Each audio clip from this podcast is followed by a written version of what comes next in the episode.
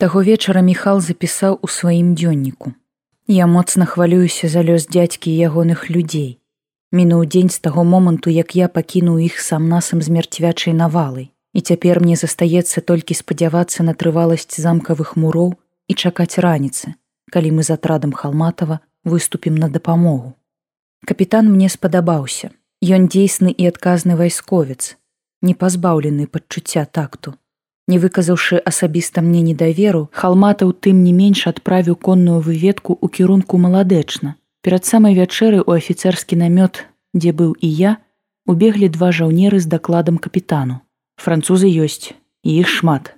Пачаў першы выведнік і запнуўся, пабачыўшы мяне. Капітан паглядзеў у мой бок і кінуў жаўнеру. Працягвай.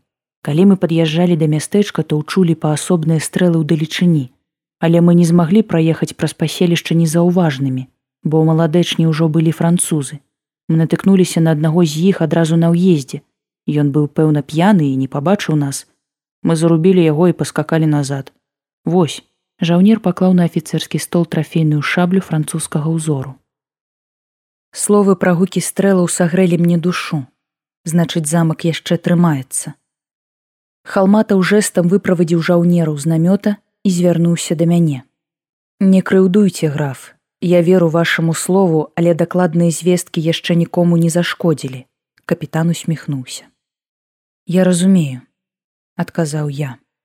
Мне было трохі няёмка ад таго, што я не паведаміў афіцэру сапраўды дакладных звестак аб тым, што напраўду французы нежывыя жаўнеры.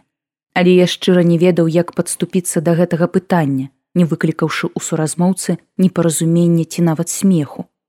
Магчыма, я зрабіў маладушна, але я пастанавіў не казаць пра мерцвякоў.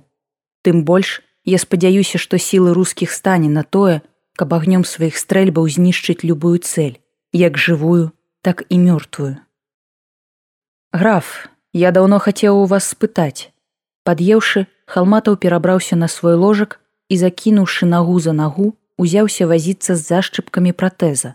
Ці вы не той самы агінскі, які напісаў гэтую цудоўную мазурку. Так, гэта мой твор. Сапраўды, некалькі маіх мазурак карысталіся вялікай папулярнасцю на балях у Петербургу. Я свайго часу добра паскакаў пад яе. Капітан летуценна падняў вочы ў гору.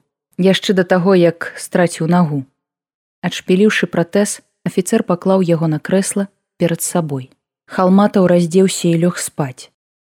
Капітан заснуў адразу, як толькі ягоная галава апусцілася на падушку. Зайздрошчу такой здольнасці, бо да мяне сон не ішоў. Я вырашыў скарыстацца афіцэрскай лямпай і зрабіць гэты запіс. Цяпер час позні, і я таксама думаю класціся. Магчыма, мне ўдасца заснуць. Толькі спачатку я прачытаю малітву за дядзьку і ягоных хлопцаў. Спадзяюся, што пабачу іх заўтра живыми.